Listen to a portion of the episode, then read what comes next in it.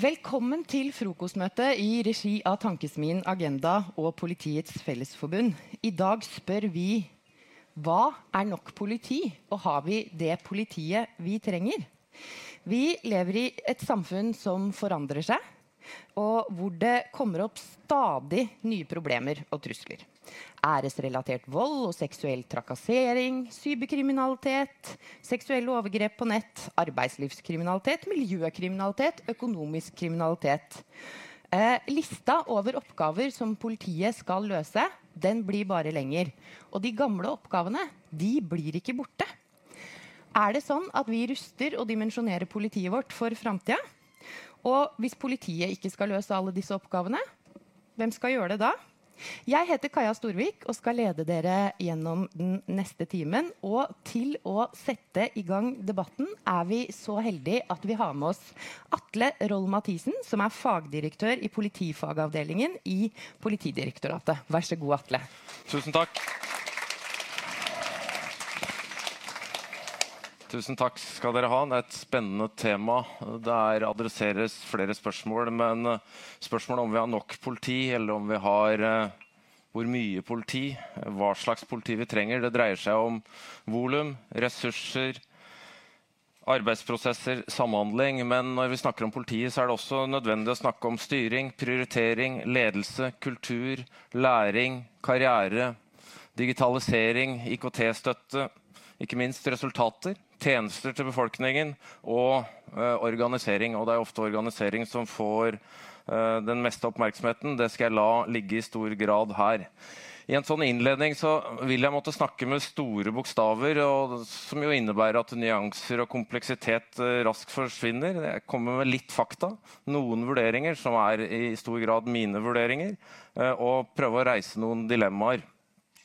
Jeg bare minner om målet med politiets virke, det er ikke eh, overraskende, vil jeg tro, eh, fravær av kriminalitet. Eh, det, forebygge er alltid mest effektivt, og mye mer effektivt enn å håndtere det i etterkant. Men alle vet at en, en forebyggingsstrategi er en umulighet. Så derfor er jo vårt på mange måter dilemma å balansere kjerneoppgavene ved å fokusere på forebygging, beredskap, etterforskning, straffeforfølging og også forvaltning. Det er forvaltningsdelen av politiet som treffer eh, de fleste innbyggerne. Mitt utgangspunkt er at politiet er en eh, nøktern etat. Vi er eh, gode. På det beste er vi blant de beste i verden. Og det mener jeg at jeg kan si. Jeg har jobbet lokalt, regionalt, nasjonalt, internasjonalt. Jeg har jobbet uh, som generalist og som spesialist i fag og ledelse på alle sider av bordet i justisetaten. Vi er blant de beste i verden på det beste, men det er også ekstremt store forskjeller og til dels uakseptable forskjeller. Det gjør vi jo noe med gjennom den reformen vi står midt oppi nå, uh, som er nødvendig og riktig, men ganske krevende. Vi har eh, de, mest fornøyde studentene ved Politihøgskolen. Vi er den mest attraktive arbeidsgiveren blant uh, nyutdannede jurister. Vi gjør ikke veldig mye for å bli vi, vi, pynter ikke brura, for å si det sånn, i forhold til konsulentfirmaer og andre, men vi er den mest attraktive arbeidsgiveren. Uh, vi har politikere og departement som historisk har fulgt oss svært, svært og detaljert tett. Der ser vi en endring. Det er veldig bra. Eh, vi ønsker å bli ett politi som, eh, som da eh, skaper større grad av likhet. Og det krever òg et, et sterkt og kompetent direktorat. så har jeg nevnt det. Men kanskje det aller viktigste vi har veldig høy tillit i befolkningen. Det er der vi har kapitalen vår, og det er ingen selvfølge. Særlig hvis vi sammenligner med de andre skandinaviske land midt i et reformløp. Noen fakta. Bemanningen har økt uh, de siste ti årene. Det, er, det, har økt med 2000 ca. politiutdannede fra desember 2011 til desember 2017. Uh, men vi er ikke i mål når det gjelder den politisk satte uh, målet om politidekning med to per 1000. Vi har også fått økt politibudsjetter, men min påstand er at uh, handlingsrommet har ikke økt. Det har til dels blitt begrenset. Det går på øremerking og, oppheng i faste kostnader. Vi har et ganske stort investeringsetterslep. Det kan nevne IKT, vi kan nevne materiell. Lønnsnivået er ikke høyere enn sammenlignbare grupper, snarere litt lavere. Vi har en oppgaveportefølje som er veldig brei. Jeg tror den er blant det breieste som noe politi har i hele verden. Det er verdt å, uh, å, å merke seg, og den oppgaveporteføljen blir ikke mindre. Politianalysen la opp til det, resultatet ble ikke sånn. Når det gjelder kriminalitet og kriminalitetsutvikling, så, så, har vi en nedgang i den registrerte kriminaliteten begått i det fysiske rom. Tenker særlig, og ganske betydelig, 70 000 saker på fem-seks år. Ned. Stor grad vinningskriminalitet. Når det gjelder skjult kriminalitet, eh, digital kriminalitet, så, så, er det et annet uh, tema som jeg skal komme litt inn på etterpå. Men det er trygt å bo i Norge. Det er relativt sett lite kriminalitet. De kriminelle er, går over på de digitale arenaene. Vi ser en økning av seksuallovbrudd, av volds Uh, voldshendelser. Det skylder jo i stor grad, mener vi, at vi har prioritert og fokusert på det de senere åra. Og når jeg sier vi, da er det politikere og, og overordnet myndighet. Uh, og det skyldes først og fremst en avdekking av mørketall. Det er noe vi syns er bra. Vi ser nå en økning av kriminaliteten blant barn og unge. Den har gått ned over tid. Nå er den i økning. Vi håper ikke det er noe varig, men det er noe vi følger nøye. Så noen utviklingstrekk. Kriminaliteten flyttes over til det digitale rom. Uh, vi, vi, ser og det stiller oss overfor egne uh, utfordringer på mange måter. For noen år siden grovt tyveri på person på offentlig sted. Lommetyverier. Mange, mange tusen. Nå ser vi i mye større grad identitetstyverier uh, på nett.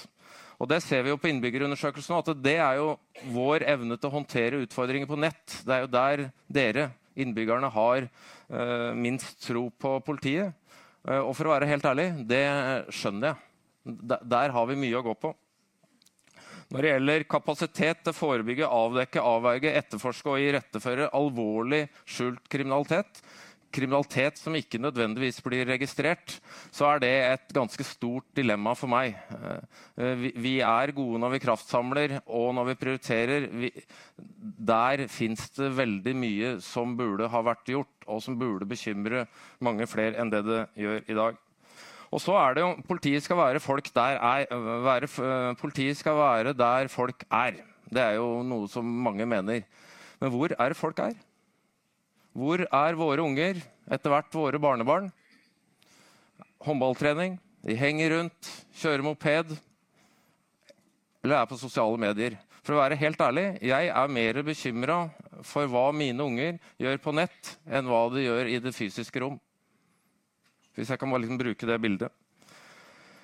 Eh, og hva er nå så svaret eller løsningene eh, og, og, og i forhold til om, om hva slags om vi har nok politi, det tror jeg er avhengig av hvem man spør.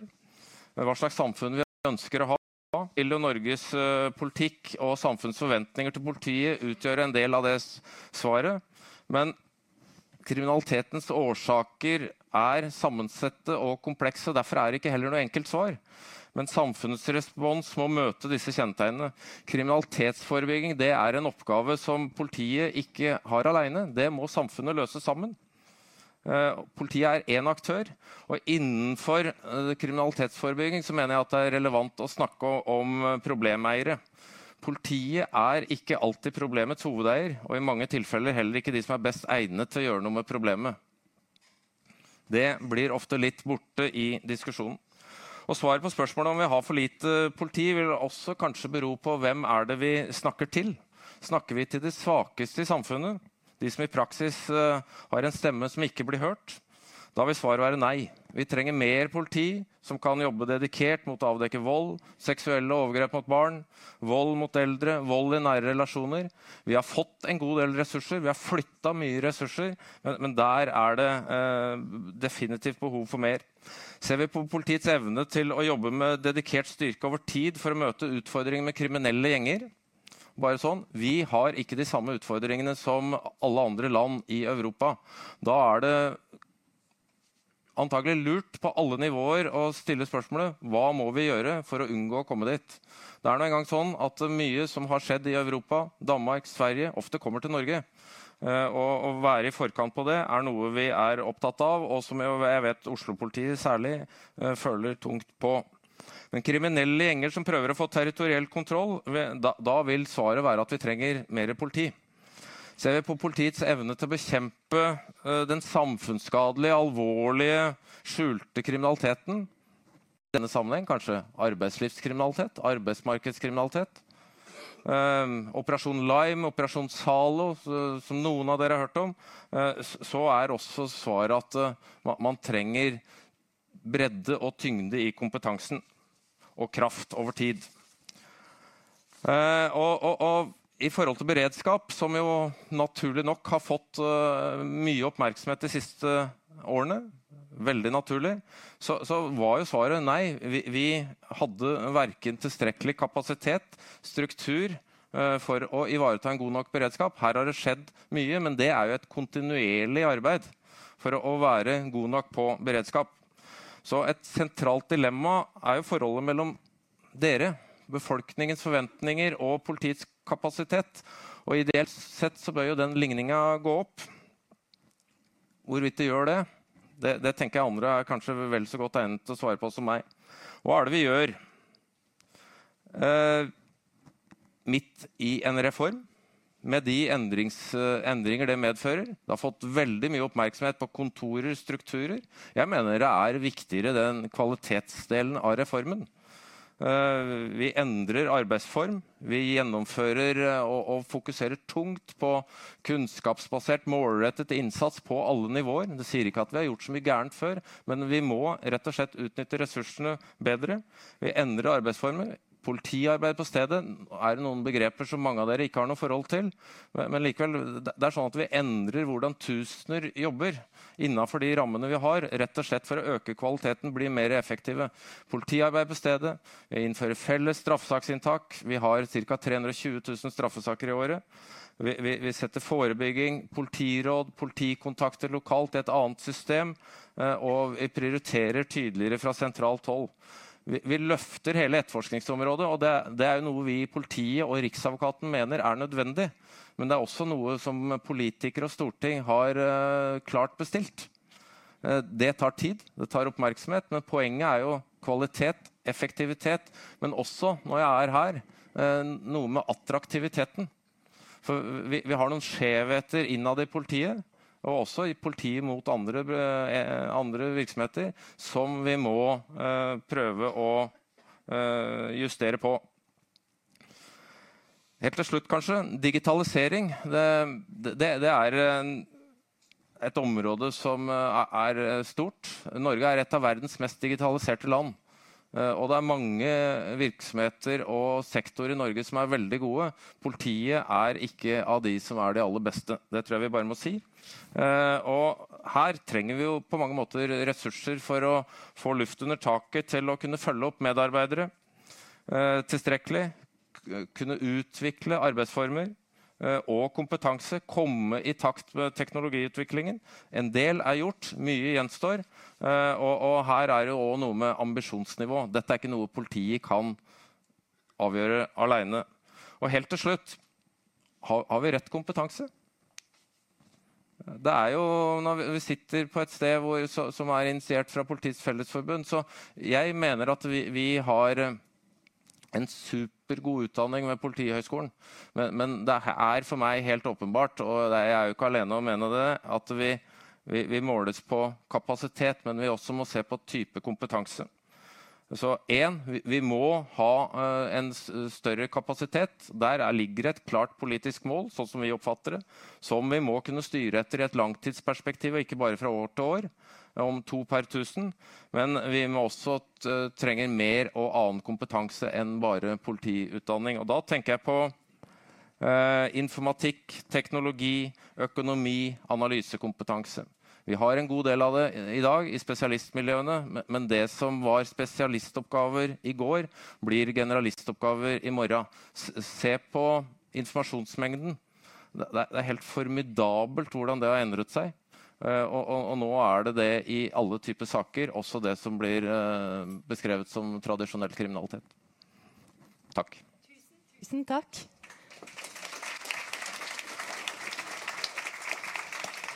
Da skal jeg få ønske velkommen opp på scenen Sigve Bolstad, leder i Politiets Fellesforbund. Vær så god.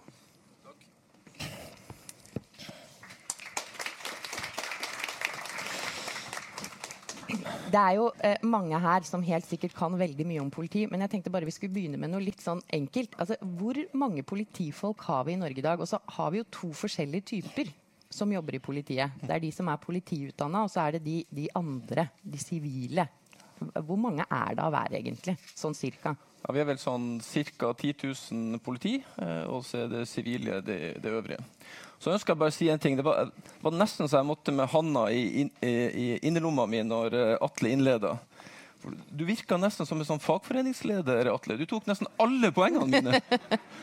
Så uh, jeg holdt på å si hjertelig velkommen med medlemskap. Det er ikke det vi skal diskutere her. men jeg syns Atle hadde mange gode poeng som jeg kan tenke meg til å forfølge eh, noen av de. Hmm. Jeg tenkte vi skulle begynne på det med mengden oppgaver. Jeg er ikke medlem av PF. Nei, jeg er klar over det. Det, et...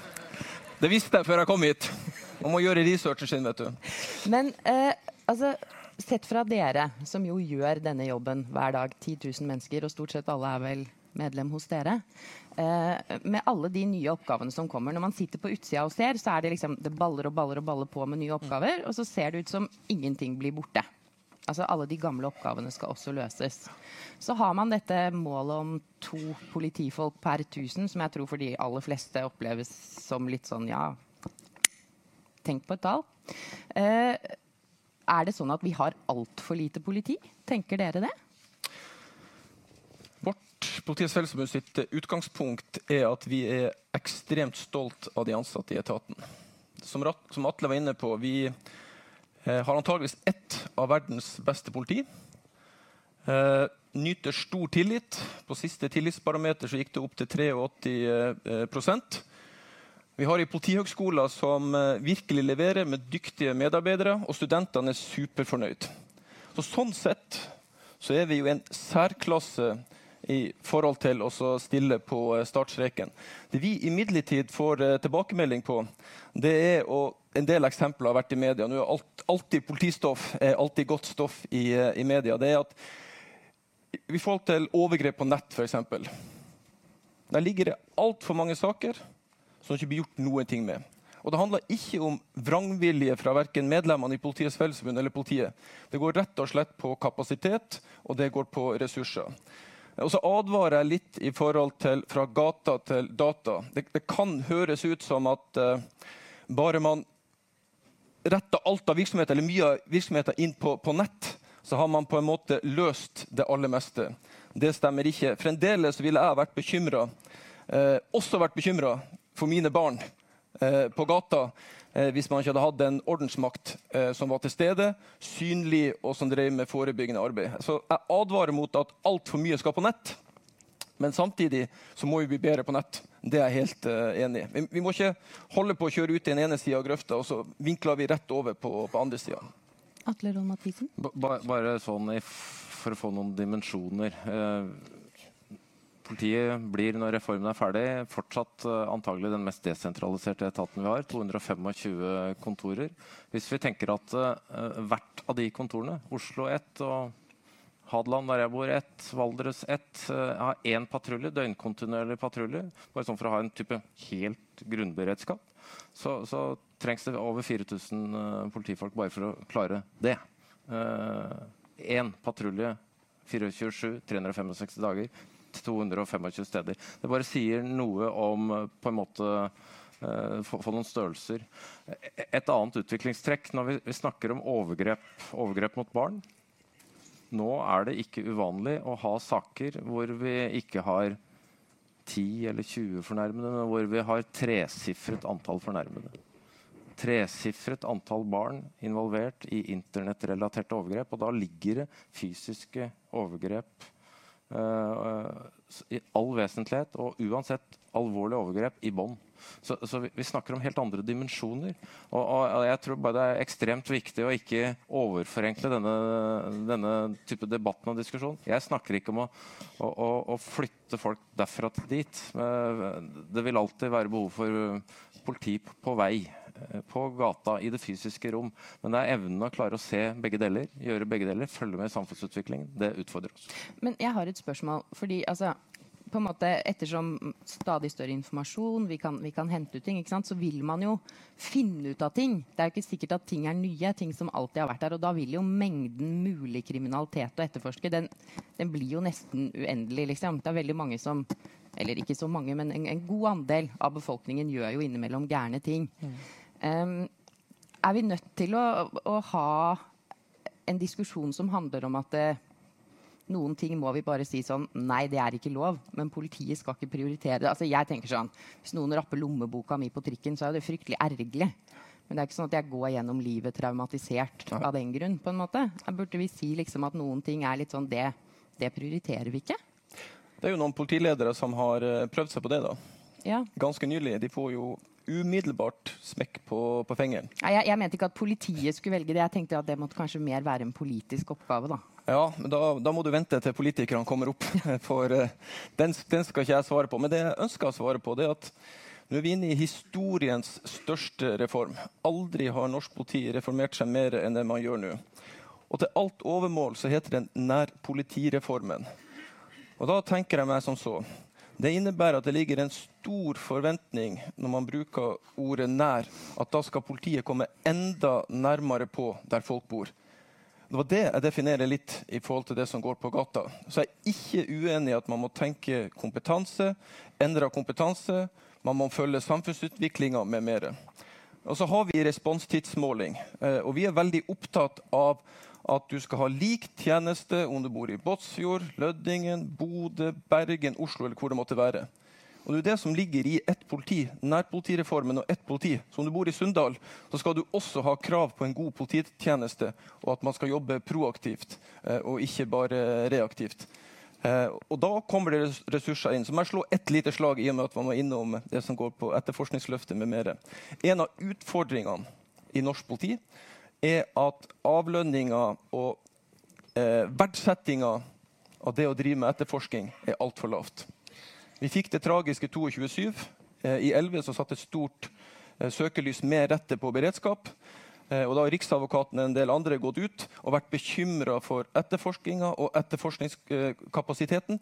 Altfor mange er en liten tur innom etterforskning og så går de over til det operative. Det er en stor utfordring som arbeidsgiver må ta tak i. Nemlig å verdsette etterforskerne på en helt annen måte enn det man ser i dag. Ja, Det der lurte jeg på, for det blir jeg overraska over. fordi som, som, veldig mange så kjenner jo jeg politi mest fra TV, og da egentlig mest fra amerikansk TV. Og der er det jo sånn at der er det liksom det går, altså, Dette er ikke noe jeg mener, men det går liksom de der i uniform, de går rundt, de, de, er litt dumme, det, det så, de får ikke til så mye. Og så kommer det liksom i svisjende inn fra siden sånne 'detectives' som liksom løser dagen. Og det, når du ser de TV-seriene, så lurer du ikke på hva som er den mest attraktive jobben, eller hvem som tjener mest, for å si det sånn. Statusen Men, til uh, etterforskere, som Sigve er innom, den gode, gammeldagse detektiven uh, Når vi har det som blir betegnet som etterforskningsløftet. Vi ønsker å løfte hele etterforskningsområdet. Så dreier det seg om kvalitet. Det dreier seg også litt om effektivitet. Men, men, men det siste attraktivitet, sånn at man får tilbake og løfter den statusen. For det er en utfordring. Det er helt på det rene. Det, alle har sett det. Derfor har òg regjeringen gitt et eget oppdrag om det. Løfte Eh, etterforskningsområdet. Eh, og, og det, er, det, ligger mer penger i den operative delen av politiet for den enkelte. Eh, det, det utfordrer oss, for, og da må vi òg utvikle et system som, som, får satt dette her i, i, i, bedre stil og orden. For, for, klarer vi ikke det, så blir det sånn som Sigve sier. Man er innom, man har ikke den kontinuiteten.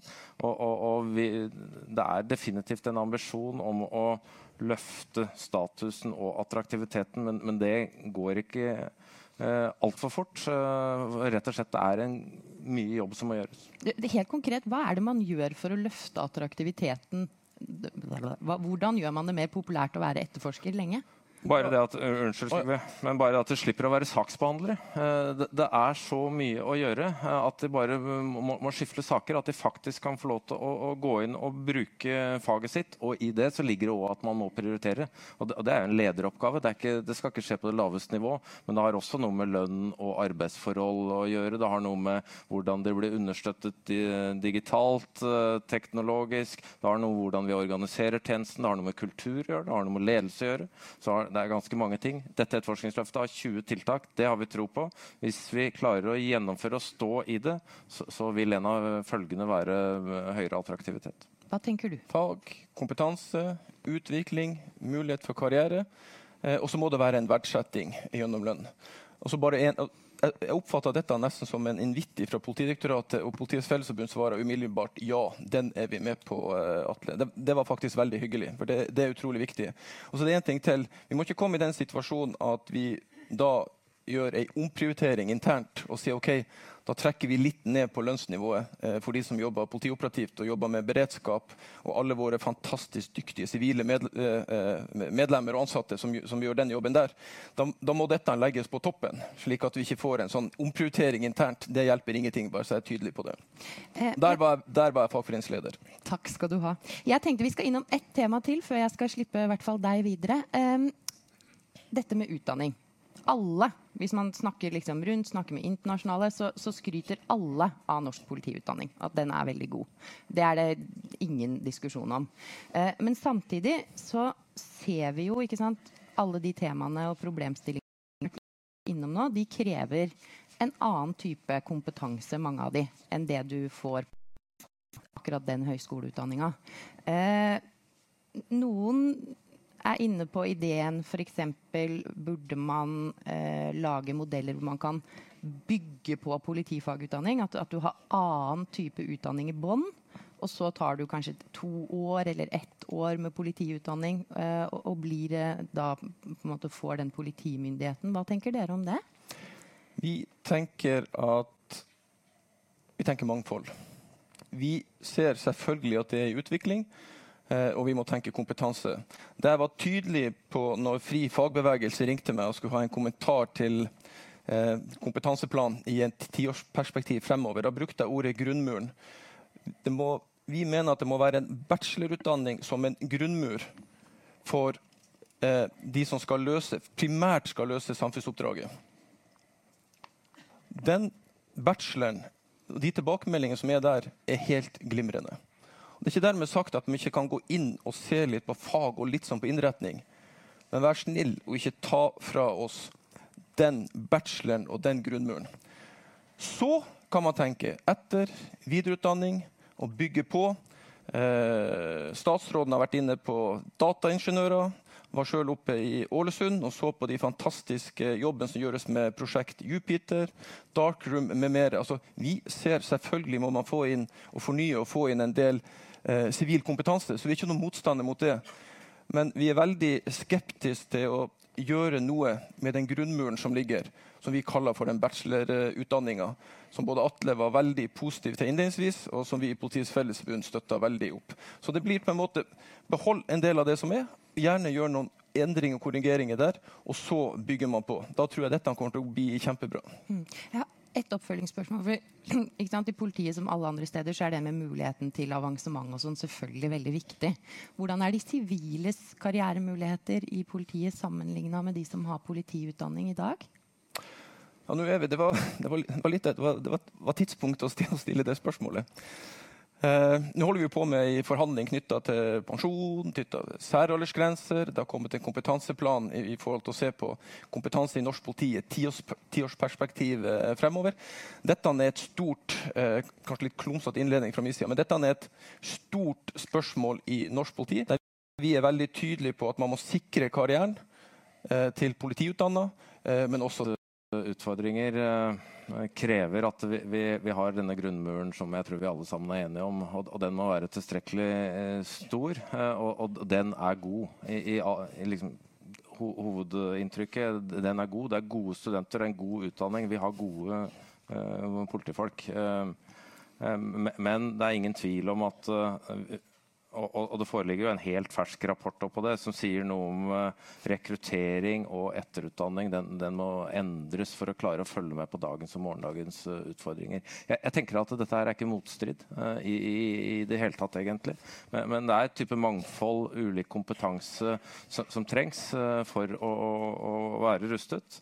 Og når det gjelder siviles karrieremuligheter jeg, jeg, er ikke godt, jeg er jurist i, i bånn. Og, og, og, vi har liksom politi og påtale som de klassiske.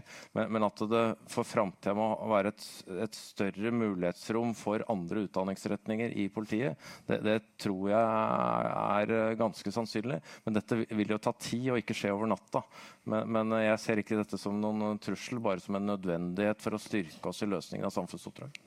Tusen takk til deg, Atle Roll Mathisen. Da skal du få lov til å gå og sette deg. Eh, og så skal jeg ønske velkommen opp på scenen de som sitter og bestemmer hovedprioriteringene for eh, politiet vårt. Ta hjertelig imot Sveinung Rotevatn, statssekretær i Justis- og beredskapsdepartementet.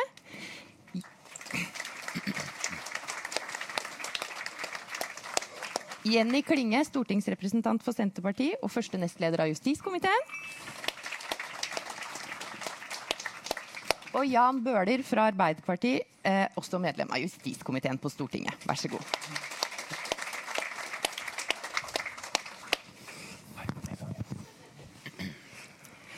Eh, jeg tenkte vi skulle begynne med deg, Sveinung Rotevatn, siden du jo faktisk har ansvaret nå. To eh, politifolk per 1000 innbygger, det er jo det målet eh, som man har satt seg. Kommer vi dit så fort som vi skal med den farta vi har nå? Ja, vi gjør det. Eh, men først må jeg få lov til å si takk for invitasjonen til debatt. Eh, viktig debatt. Eh, det har nok ikke vært så vanlig i norsk politikk at en har spurt Sylvi Listhaug om å stille en debatt og fått som svar at er det greit at vi stiller med Sveinung Rotevatn fra i stedet for. ja, faktisk ikke skjedd. Men det er nye tider, og det, det tror jeg er bra. Nei, målet om to per tusen det ligger fast, og vi er i rute til å nå det. Da flertallet skifta på Stortinget i 2013, så lå vi på 1,71 per 1000. Nå er vi på 1,89. Eh, og vi, eh, dersom en fortsetter å trappe bevilgningene slik en har gjort, med over 3,6 milliarder kroner de siste åra, så kommer en til å komme i mål. Eh, og det er vi glade for. For det er vi jo av den oppfatning at eh, svaret på spørsmålet som blir stilt, er eh, i og for seg ja, vi trenger mer politi. Eh, og så kan vi sikkert komme tilbake til eh, hva type kompetanse vi trenger i etaten. Mm. Eh, men det er iallfall ingen tvil om at den har økt opp bemanninga egentlig ganske dramatisk de siste par åra, med en voldsomt stor prioritering i budsjettene. Eh, og den prioriteringa ligger fast. Hva tenker du om det, Jenny Klinge? Vi, går det i riktig retning, og går det fort nok? Jeg kan absolutt si at det går i rett retning, men jeg er jo ikke så positiv som statssekretæren her til, til utviklinga, tross alt. For Roll Mathisen sa jo også i sin innledning at handlingsrommet til politiet faktisk ikke har økt like mye som budsjettet kunne tilsi.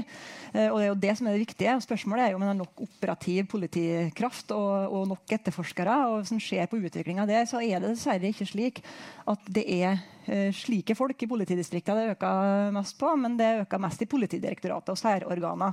Uh, som eksempel. Og da uh, er For oss i Senterpartiet så er det, det er viktig å, å, påpeke at vi ønsker å sørge for at det blir en reell økning i politikraft i Politi-Norge og i hele landet. Målet to per tusen er også litt interessant, fordi det er jo regna på landsbasis. Det betyr jo i praksis at uh, Oslo politidistrikt og Finnmark har langt over to per tusen. De andre har langt, stort sett har langt under, eller i alle fall under. Uh, og Det er også noe som vi i Senterpartiet har sett litt alternativt på. at Vi mener at dette målet bør gjelde per politidistrikt. Da, da sørger en i så fall for at uh, hele landet får glede av økninga i, i, politifolk og etterforskere. Bare utfordre deg litt på. Det, altså, det er jo en del steder hvor på en måte kriminelle handlinger klumper seg mer sammen enn andre. Er, er, det ikke naturlig at de har litt mer politi? Absolutt. Så det er ikke snakk om at det skal være et snitt og likeens i hele landet. Det kan absolutt være over. Oslo politidistrikt er jo et godt eksempel på hvor det virkelig må eh, være bra med ressurser for å sørge for, eh, for trygghet og god forebygging osv. Så, eh, så det her er ikke snakk om å ta ned distrikt, men å sørge for at alle Hvis vi mener da, eh, seriøst at to per tusen er et godt mål, det kan vi jo diskutere. Men hvis vi mener det, så bør jo hele landet få glede av den økninga. Så det betyr at dere vil egentlig ha litt mer enn to per tusen? Ja. Fordi flere noen steder også Ja, og det er vi villige til å bruke penger på. Mm. Uh, Jan Bøhler, du uh, har jo vært opptatt av dette med trygghet og sikkerhet lenge. Har jobba mye politisk med det. Hvordan tenker du på norsk politi i dag? Er vi på vei dit vi skal? Er det nok? Trenger vi, trenger vi mer politi? Ja, jeg mener det. Jeg mener at uh, særlig vi som tilhører venstresida av politikken, uh, bør se det som en kampsak for oss å sørge for mer politi som kan ivareta befolkningens trygghet og grunnfunksjoner i samfunnet. Og, altså, hvis du ser på grunnfunksjoner som, eh, som Klassekampen skrev om nå før helga, og fulgt opp også arbeidslivskriminalitet, hvor på hæla vi er. Hvis du snakker med de som jobber med skattekriminalitet, som jo er en grunnleggende ting for å opprettholde velferdssamfunnet, hvordan de som jobber med skattekrim, skattekrim øst, sier at eh, politi, de, de har nesten gitt opp å sende saker til politiet for, fordi det er nesten automatisk henlegging av veldig mye av det. Og eh, Økokrim må velge noen få saker. altså Av det antall saker som Kredittilsynet får av tips om hvitvasking og ting man bør se på, må velge noen ytterst få saker. Og da stiller jo nærmest en mafia forretningsadvokater opp i årevis for å bekjempe dem. sånn at det krever enorme ressurser for å komme igjennom for Økokrim. Og jeg må si, altså, Hvis du går ned på liksom, gateplanet, de som jobber med forebygging i sånn som Oslo øst, sier jo at de aldri har vært så få på forebygging som i dag. Altså den Styrkingen har vesentlig kommet i sentrale politiorganer. Derfor er det urettferdig å snakke om eh, de tallene man bruker på politidekning i Oslo. For det er jo fordi at eh, Kripos, Politidirektoratet, PST osv. ligger her. Og altså, Økokrim, altså de store særorganene. sånn at da blir tallet helt Det er ikke sammenlignbart med det du nevner igjen i andre, andre politidistrikt. Så man må se på, Hvis vi skal sammenligne Oslo med andre politidistrikt, må du jo se på enhetene som jobber med kriminaliteten i Oslo. Sånn at eh, jeg mener at vi har altså, Vi er eh, kraftig på hæla. Altså, alle som prøver å anmelde svindel på nett, opplever nesten uten unntak at det henlegges pga. kapasitet. Og vi, er, eh, vi, har så vidt begynt å ta tak i sånn som sosial kontroll, æresvold. Hvor det er bare meldes et veldig økende saker etter hvert som ungdom også i de miljøene blir mer bevisste på hva det handler om. Vi har, vi har eh, sant, vold i nære relasjoner, som har begynt å, å, å, politiet har begynt å gå inn for fullt. Men, men, eh, og man snakket om organisert kriminalitet og kriminelle gjenger. Jeg må bare si at Der er jeg bekymret for hvor lite de sentrale politiorganene er opptatt av det. Altså Hvor lite de egentlig har satt seg inn i bildet nå i Oslo. Fordi min mening er at, at vi har territorielle gjenger. eller det er ikke bare min mening, det er åpenbart at vi har territorielle gjenger nå i Oslo som, som truer tryggheten i nærmiljøer. og Det ble nevnt med på gata, altså fra, på gata fra, til data og sånn. Altså, en problemstilling i noen av disse områdene er jo at uh, barn opp, altså barn og familiene opplever at etter skoletid så er det nesten mer betryggende at de sitter hjemme på datamaskinene sammen med hva de finner på der, fordi det, de har opplevd uheldige hendelser ute på gata. Og Det er en veldig farlig situasjon hvis ikke unge leker ute, er fysisk aktive, får utfolde seg i nærmiljøet sitt. Så eh, den, den, eh, vi, vi, må greie å gjøre begge deler. Altså, min, min mening er at eh, de som mest trues av Oslo øst osv. Og, så og at vi, særlig vi på venstresida bør se det som en oppgave å heve nivået på politiet. Og at to per tusen ikke bør være noe stoppested i det hele tatt når det gjelder hva vi trenger. Jeg skal slippe til dere. Men uh, Sigve Bolstad, altså, her sitter det jo uh, Dette må definitivt kunne sies å representere et flertall på Stortinget. Uh, hva, dette må jo være musikk i dine ører. Det høres ut som du skal få 200 000 nye kolleger her. Det, opplever du at denne viljen gjenspeiler seg i deres virkelighet? Det er jo nesten så at Uansett hva jeg sier, så prater jeg ned det positive som har kommet her. Og Det ønsker jeg i hvert fall ikke å være med og bidra til. Altså, jeg, jeg, vi har et fantastisk politi i Norge. Men det er for dårlig med kapasitet. Og tilbakemeldinger som vi får både fra særorgan i forhold til svart økonomi, arbeidslivskriminalitet, eh, overgrep på nett. Eh, og så ser vi en utvikling dessverre i Sverige i Stockholm, i Göteborg, ikke minst i Malmö, delvis i, i, København, som ingen ønsker til Norge. Og det er klart, Da er du tilbake til litt gata og data. Og litt som Jan er inne på på en klok måte her. Vi må være forsiktige sånn at man ikke kommer på, på hælene. Det er mye bedre å forebygge ting, slik at man slipper å drive reaktivt etterpå tar det proaktive, og så forhindrer man sånne, eh, sånne, tilstander i Norge. Nå sier ikke jeg at det, de tilstandene som man ser i Sverige, at man har det i Norge, men det er absolutt, man bør absolutt være på vakt. og Oslo-politiet har jo belyst dette på en glimrende måte. Veldig godt å høre at uh, to tjenestemenn og kvinner per 1000 innbygger ikke er høgd i stein. og Da opplever jeg som at da tenker man litt videre oppover. Det er et godt grunnlag for hele temaet her i dag. Knytta til kompetanse, knytta til ressurser og knytta til å løse samfunnsoppdraget som norsk politi ønsker å gjøre. Jeg må bare alltid få lov til å understreke at mange av de problemene som dere løfter fram her, og med sosiale forskjeller og sånn, det kan jo ikke politiet løse. Sånn at vi er hele tiden nødt til å jobbe for et samfunn med mindre økonomiske forskjeller. For det gjør at vi får mindre problemer. Men nå skal dere få snakke videre om politi. Vær så god, Sveinung. Jo, takk. Um, for å ta det Jan Bøhler sier først, da, uh, så er det ikke så vanskelig å nikke anerkjennende til det. Jeg synes du peker, du peker på mange viktige problemstillinger. Eh, men det er nok en gang slik at en er nødt til å prioritere når en driver med politikk og penger. Eh, og det du nå eh, sa at vi har for lite ressurser til, det var både politi på gata, det var sentrale etterforskningsorgan, det var nett, det var arbeidslivskriminalitet, det var vold i nære relasjoner, det var oppfølging av ungdom. Det var på en måte alt. Og det kan en for så vidt mene, men det tenker jeg peker ikke så veldig mye ut i ei retning. så sier jo Senterpartiet at det uh, kommer i liksom, de, de nasjonale organene, det er Oslo, at det kommer oppbemanning, og at en må se hele landet. Altså, jeg kommer fra det fylket i landet som har lavest kriminalitet, til Sogn og Fjordane. Men også der har det vært en betydelig økning i politiårsverk de siste åra. Det er en økning over hele landet. Da eh, Senterpartiet og Arbeiderpartiet forlot regjeringskontoret, så var det altså 14 000 tilsatte i politietaten. Nå er det over 17 000 tilsatte. Det er ikke slik at alle de jobber i Politidirektoratet så nær sagt selvfølgelig. Det er en ganske stor økning over hele linja. Uh, og det er viktig. Og så syns jeg ikke at en skal snakke ned heller særorganer. For når det, når det blir etterlyst at det er viktig med etterforskningskapasitet, så er selvfølgelig Kripos viktig. Når jeg snakker om at vi må bekjempe terrorisme og trusler mot nasjonal sikkerhet, så er det selvfølgelig viktig med kompetanse i PST. Eh, så jeg tror en kommer unna at det, det, skjer veldig mye på mange områder nå. Og så vil vi ta med oss én viktig ting, da, som er kanskje det viktigste av alt, det er jo resultater. Og det er jo at kriminalitetsbildet er jo at kriminaliteten går ned. Og Det er veldig viktig. at vinningskriminalitet går ned, drap går ned. Men så er det noen områder der vi ser til dels betydelig økning. og Der må en rette inn fokus. F.eks. når det gjelder eh, vold og overgrep mot barn, ikke minst på nett. Så kan vi diskutere om det skjer mer, eller om det bare blir eh, belyst mer. Men uansett så må en gjøre mer på de områdene der en ikke gjør noe i dag. Tusen takk. Jenny Klinge, vær så god. Vi er vel alle sammen klar over at det å sitte i regjering det er jo en sånn fireårslang uh, skryteøvelse. Uh, der en prøver å få fram hvor mye fantastisk en har gjort. Uh, og Jeg skal ikke bruke den tida her til å fortelle hvor mye fantastisk den rød-grønne regjeringa gjorde, men det vi i alle fall sørga for, det var dobbel opptaket til Politihøgskolen, som gjorde det mulig å ansette mange, flere politifolk i denne etaten.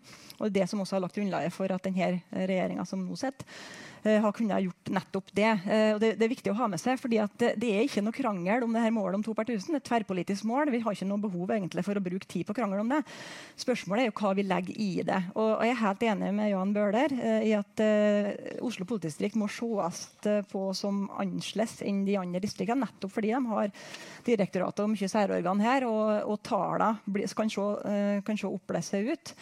Eh, så jeg er fra Senterpartiet er ikke opptatt av å ta ned Oslo politidistrikt. Tvert imot. Eh, vi er svært opptatt av at også politiet her skal ha gode muligheter til å ta, ta, gjøre et godt politiarbeid.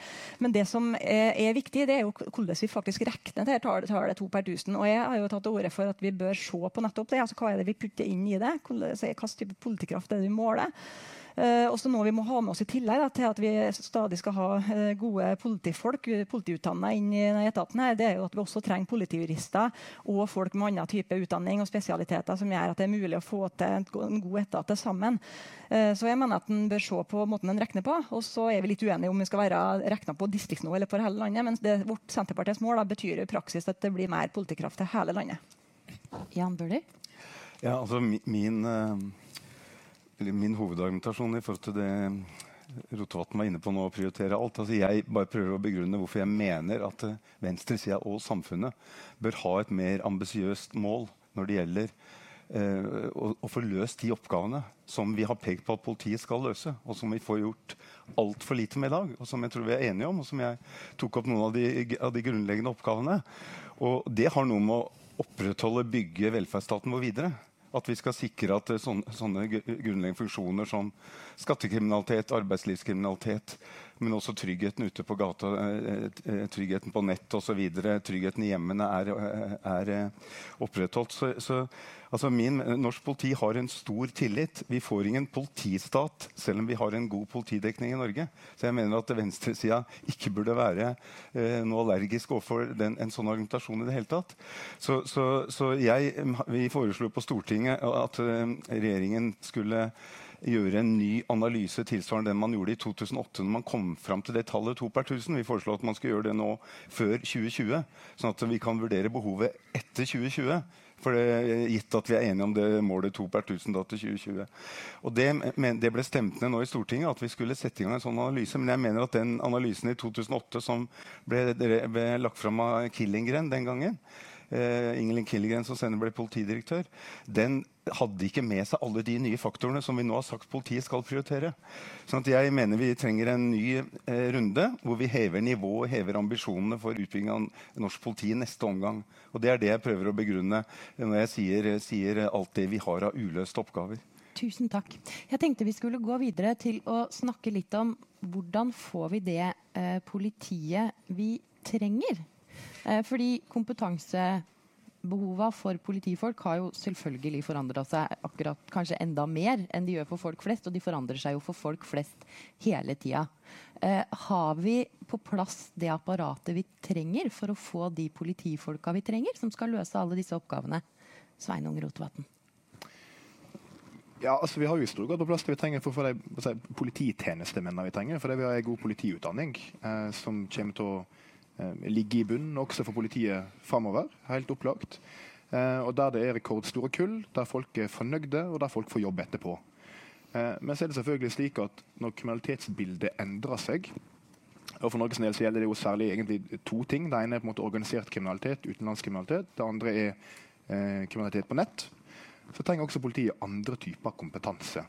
Eh, det kan handle om eh, informatikk, teknologi, økonomi, Eh, analysekompetanse.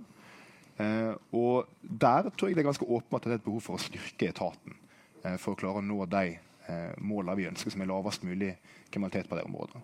Og så tenker jeg òg at skal vi klare å bekjempe kriminalitet, og at folk føler at de blir godt behandla der ute, altså de som er ofre for kriminalitet, så må man også tenke hele straffesakskjeden.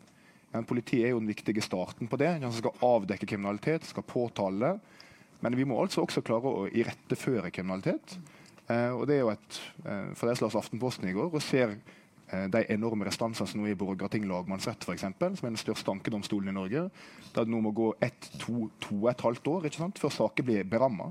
Så det er klart at dersom du har vært utsatt for eh, et overgrep, eksempel, må gå så lang tid å vente på at gjerningspersonen blir dømt, så er det en betydelig merbelastning. Det ender også opp med å få strafferabatter pga. den type ting. Så ja, vi skal definitivt styrke politiet og få på plass mer kompetanse av det vi ikke har i dag.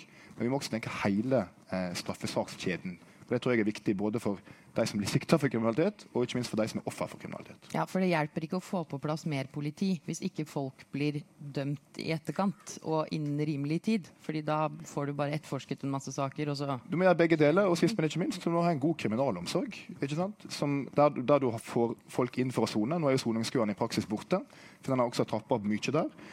Eh, men også som rehabiliterer folk på en god måte. Slik at vi kan fortsette den stolte norske tradisjonen det er at vi klarer å ha lave tilbakefallsrater, og at folk kommer tilbake i samfunnet igjen etterpå og kan være gode samfunnsborgere. Eh, la oss reflektere litt rundt dette med hvordan får vi de politifolka eh, som vi ønsker oss. Eh, og la oss bare ha det i, i bånn at vi har en veldig god politifaglig utdanning. Så trenger vi ikke det, alle er enige om, trenger ikke å diskutere det. Men det jeg lurer på er, altså hvis man trenger økonomer, eh, de beste IT-folka. Altså hvis man skal hente de til politiet.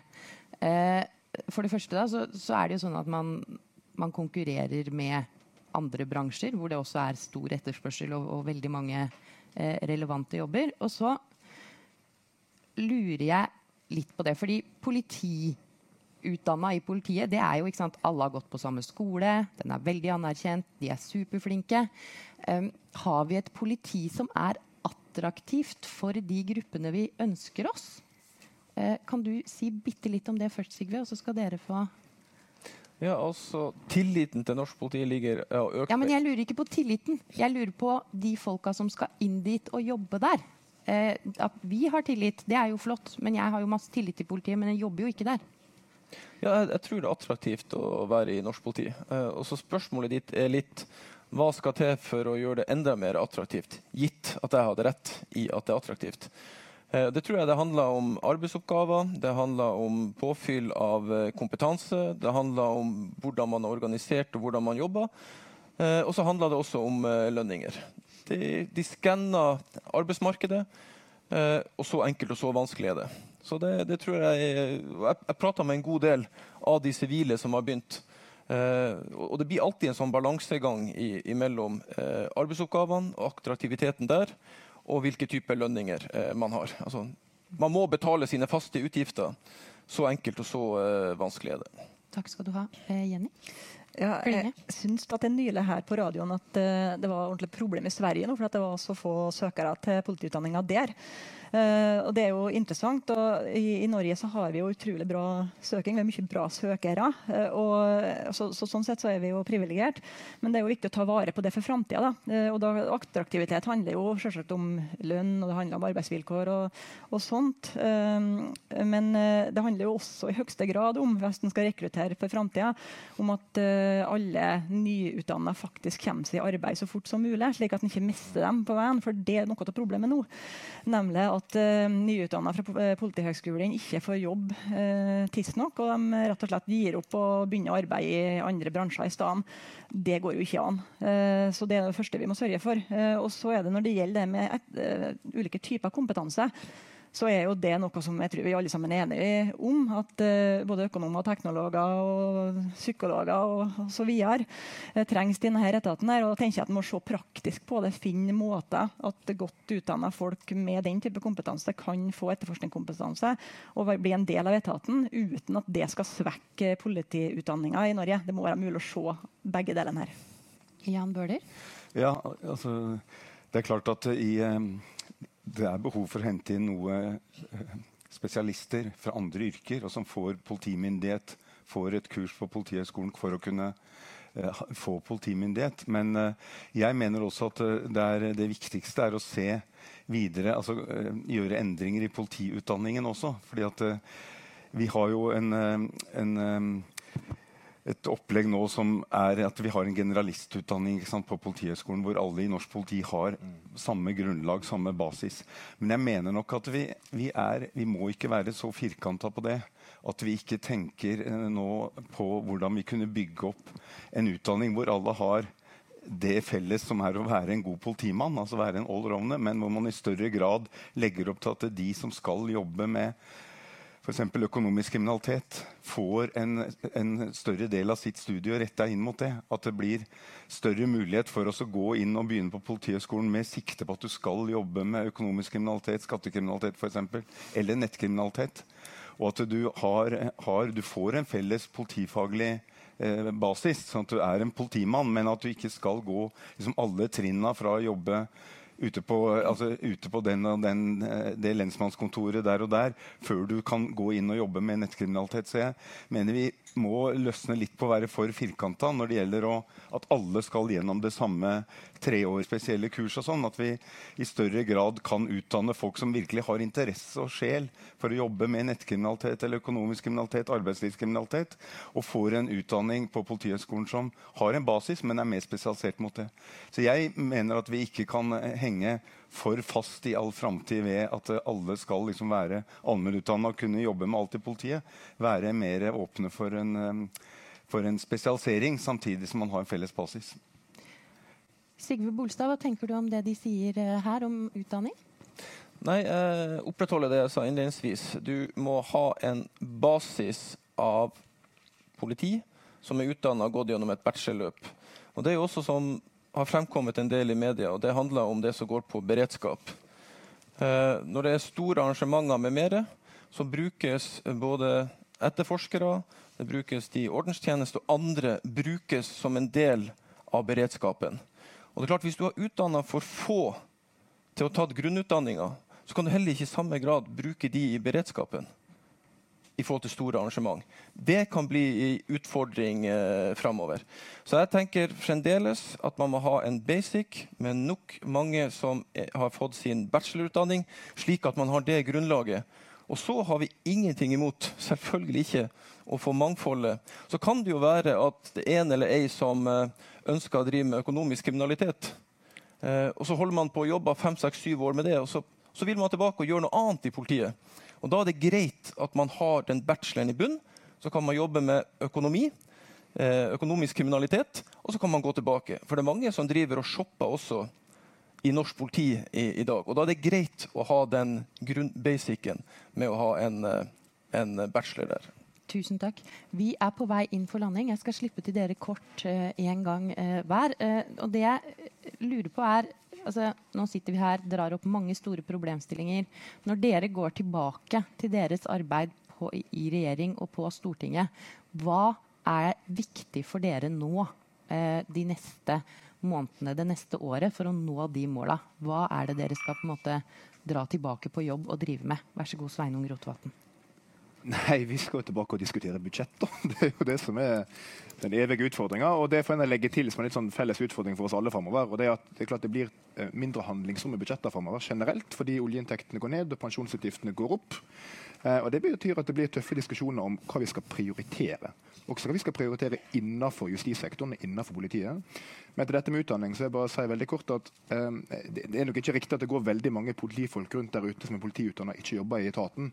Altså, I 2016-kullet på Politihøgskolen så er altså nå 93 i arbeid i politietaten. Uh, jeg tror at Hvis, altså hvis lærerutdanninga hadde hatt den typen tall, så hadde kunnskapsministeren vært uh, fra seg av begeistring. Og så skal vi selvfølgelig streve for at det alltid blir bedre. Vi har satt av ekstra penger i budsjettet for neste år for å ta inn de nye kullene også i etaten. Men heldigvis så kommer folk seg gjennom utdanninga på en god måte og får seg jobb. Veldig kort, Jenny Klinge. Ja, For oss i Senterpartiet så er det helt opplagt at det viktigste er å sørge for at de gjenværende lensmannskontorene nå etter at uh, politireformen blir gjennomført, faktisk blir styrka i tråd med intensjonene fra regjeringa. Stikk i strid med det de holder på med akkurat nå. Uh, og sørge for at alle lensmannskontorer også får beholde passfunksjonen. Tusen takk. Jan Bøhler? For meg er det viktigste å bygge opp uh, forståelsen for at vi trenger et uh, politi med en annen kapasitet enn vi har i dag i Norge. Og at vi bygger opp den både eget parti og andre, andre partier og argumenterer for det ut fra de konkrete erfaringene som jeg har fra det arbeidet jeg driver lokalt i Oslo. Som uh, veldig klart peker på det behovet. Og det er den delen av befolkningen som jeg mener er aller viktigst for venstresida å vise omsorg for, og som trenger eh, et eh, større og sterkere politi. Da sier jeg tusen takk til Sigve Bolstad, Sveinung Rotevatn, Jenny Klinge og Jan Bøhler. Eh, vi har diskutert om vi trenger mer politi i åra som kommer. Det er det brei enighet om. Akkurat hvordan vi skal få det til, det høres det ut som vi skal diskutere en god del mer framover. Og hvordan vi skal få midler til det, eh, er også ikke helt avklart. Tusen takk for at dere kom, og tusen takk til dere som har brukt morgenen sammen med oss.